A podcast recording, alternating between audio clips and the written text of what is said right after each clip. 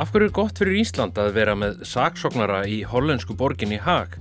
Hvaða gerir slíku saksóknari í barótturnin gegn skipulaðri glæpastarsemi? Kolbrún Benedikt Stóttir var að að saksóknari í 7 mínútum með fréttastofu Rúf. Í dag er mánudagurinn 4. desember. Ég heiti Freyr Gíja Gunnarsson.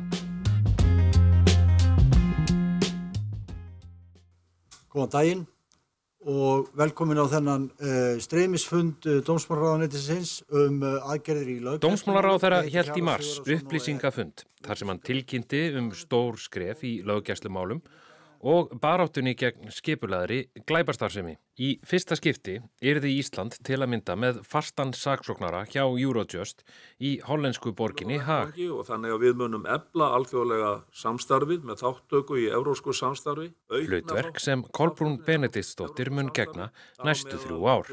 Það heitir á íslensku Evróska réttar aðstóðin og er svona kannski, e, fólk þekkir Europol, við erum búin að vera lengi í Ísland með fulltrúa hjá Europol sem er svona laurglu hlutin í þessari svona evrósku samvinu í brotavörnum. My name is Jan Opgenaut and I work at Europol and today I would like to speak with you Eurojust er þá í rauninni kannski svona ákjörhlutin eða svona þessi lögfræðilegi hluti sem tengist í. Created in 2002, Eurojust is located in The Hague, the Hvernig Netherlands. fer svona samstarf hjá saksóknurum uh, fram og, og, og hvaða þýðingu hefur það fyrir okkur til að mynda í baráttunni gegn skipulaðri glæpastarsemi uh, að vera með íslenska sendifulltrúa? En Sko, það er umtlað nákvæmlega þetta sem hún segir vegna þess að þessar stopnarnir, bæði Europol og Eurojust, þær eru náttúrulega settar á fót fyrst og fremst til þess að bregðast við skiplur brotastarsemi og það sem við erum náttúrulega að sjá og höfum verið að sjá náttúrulega síðastliðum bara ára og ára, ára tugi er að svona fjölþjóðleg glæpastarsemi, hún er auðvitað að aukast. Og bara brotamenn í dag þeir eru að, að, starfa þvert á landamæri. Og það er náttúrulega kallar á þessa samvinnu millir landa þá einmitt skiptir þessum mjög máli bæði tengslu við rannsóknir á einstakam brotum og svo náttúrulega það, næsta skref að það séu þá líka ákjærandur og lögfræðingar sem koma að þeirri vinnu að því það getur oft verið svolítið flókið að finna út úr því hvernig svona samvinna að milli landa getur átt sér stað uh, þegar reglunar eru misjafnar. Þegar eru kannski misjátt hvað er refsvert og hvað er ekki refsvert, það er misjátt hvaða gögn þarf að aðfenda sökuðum mönnum og á hvaða tímapunkti og heit og þetta.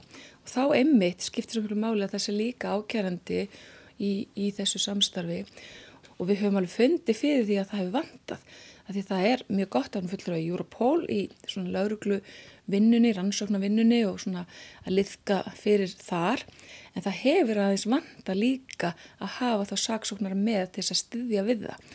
Og, og vegna er þetta í rauninu búið að vera að standa til í svolítinn tíma og er loksins komið og ég er alveg vissum að það mun breyta mjög miklu einmitt er að kemur á þessum rannsóknum á þessum, þessum málum, þessum brotum sem að er að fara þvert á landamæri. Það var akkurat verið mikið talað um skipulaða glæpastarsemi, skipulaða brotastarsemi og uh, hvernig horfir þetta bara við þér sem saksóknari? Við ræðum oft við lauruglumenn, þeir hafa miklar áhyggjur, við heyrum kannski minna frá, frá saksóknari. Það er stundu talað um að það sem gerist á Norðurlandana það gerist hér tíu, kannski 10-15 árum setna sko og ég held að það er svo sem alveg við um þetta líka.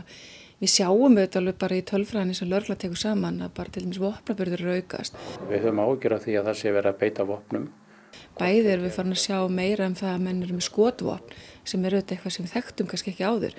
Það hefur alltaf verið mikil skotvopna eign, hjá, hjá Íslendingum. En það hefur þá náttúrulega fyrst og finnst verið bara veiði vopn. Þannig að það er náttúrulega allt öðru sem við erum að sjá svolítið breytingu. Við erum farin að sjá brotamenn vera vopnaða. Við erum farin að sjá skambissur í meira mæli. Við erum líka bara farin að sjá ákveðna aukningu í nýfabörði á almannfæri. Þetta er náttúrulega ekki allt fólk sem tengist einhvern skipulum brotastársemi, alls ekki, einhvern svoleiðis hópum og það sem maður náttúrulega hefur stundu verið sagt með, Ísl með Íslandi sko að því Íslandi er náttúrulega lítið að glæpahópar, brotahópar í Íslandi er stundu svolítið öðruvísin annar staðar. En að þeir get ekki verið eins svona sérhæfðir eins og út í hennu stóra heimi. Menn þurfa svolítið að vera í öllu hér. Menn er ekkert kendilega bara í fíknefnum eða bara í peningaþvætti eða bara í hérna og þessu sko. Menn eru svolítið ofta að vinna allar tegundir hér. Eh, en auðvitað náttúrulega erum við fann að sjá vísbendingar um að svona, svona hópamyndun sem að við höfum ágjur af og þarf auðvitað bara að sko það þarf að taka þetta náttúrulega fyrstum tökum. Það er þetta alveg ljóst og það þarf einhvern veginn að bregðast við. Það snýst líka bara um forvarnir, ekki alltaf bara að vera að bregðast við þegar allt er komið í óöfni. En klárlega sjáum við ákveðna breytingu og aukna hörku og náttúrulega meiri og eins og kannski það sem er nýtt núna, við erum fann að sjá að einhverjum hópum fyrir að lenda saman og, og jafnvel þannig að það sé orðin hætta fyrir almenna borgara. Tveir menn hlutu áverka í skot ára. Fangi var stungin, marg ofta litlar Fjórir eru í haldið lögreglu í tengslu við nýva ára sig grafarhald. Hún nefnir þessa hópa sem að, svona, ha, hefur verið að lenda saman. Það er nú eitt af því sem að lauruglan hefur lært af reynslu kollega sinna í Svíþjóða. Það eru fjölmörg dæmið um það að glæpahópar fái til sín ungt fólk til þess að fremja einhverju ábyldisverð. Af þessu þurfum við að hafa áhyggjur, af þessu þurfum við að, við þurfum að halda vög og gagart þessu.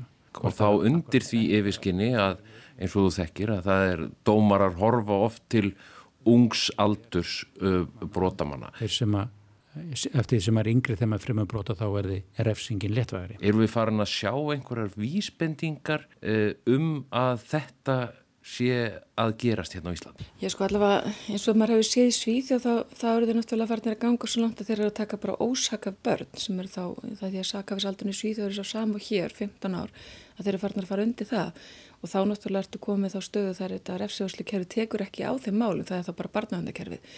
Ég veit ekki til þess að við höfum séð það hér að menn hafa verið að fara niður í eitthvað svona unga. En þetta er líka alltaf svolítið spurningi sko hvernig ertu komið eitthvað svona skipulang glæpahóp og hvernig ertu bara með hóp sem er einhver luta vegna, kannski bara vegna lélæra stöðu svona í samfélagina fjalleganu sem er farið að fremja einhver brot. Og við sjáum auðvitað ákveðna hópa sem eru viðkvæmir ungir drengir, innflytjandi drengir sem kannski koma hinga, hafa lítið við að vera finnst þeir ekki passa kannski vel inn í samfélagið og leiðast út á þessa brautir og er þá kannski auðveldur að fá þá inn í eitthvað svona.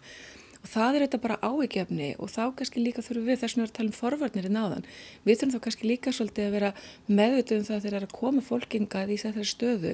Ef að við grípum ekki þessa ungu krakka sem er að koma hérðan sem nýjir Íslendingar eða sem hælisleitindur að hvaða er að þá er ákveðin hægt að mann fari þessa leið. Það er, það er svolítið þessi forvarnar hluti og það held ég að þurfum svolítið líka fókus á samlega því auðvitað þurfum við að efla laurugluna og heimildri hennar og til þess við getum grepið inn í þegar allt er komið í óöfni og menn eru farnir að fremja brot. En, en þetta er líka náttúrulega alltaf sammeilitt verkefni allra. Við þurfum líka að horfa aðeins svona hvað, hvað er að gerast í samfélaginu, hvernig getum við komið í veg fyrir að hlutin þróist á vestaveg. Þetta voru 7 mínútur með fyrirtastofur úf. Næsti þáttur verður á miðugudag. Veriði sæl.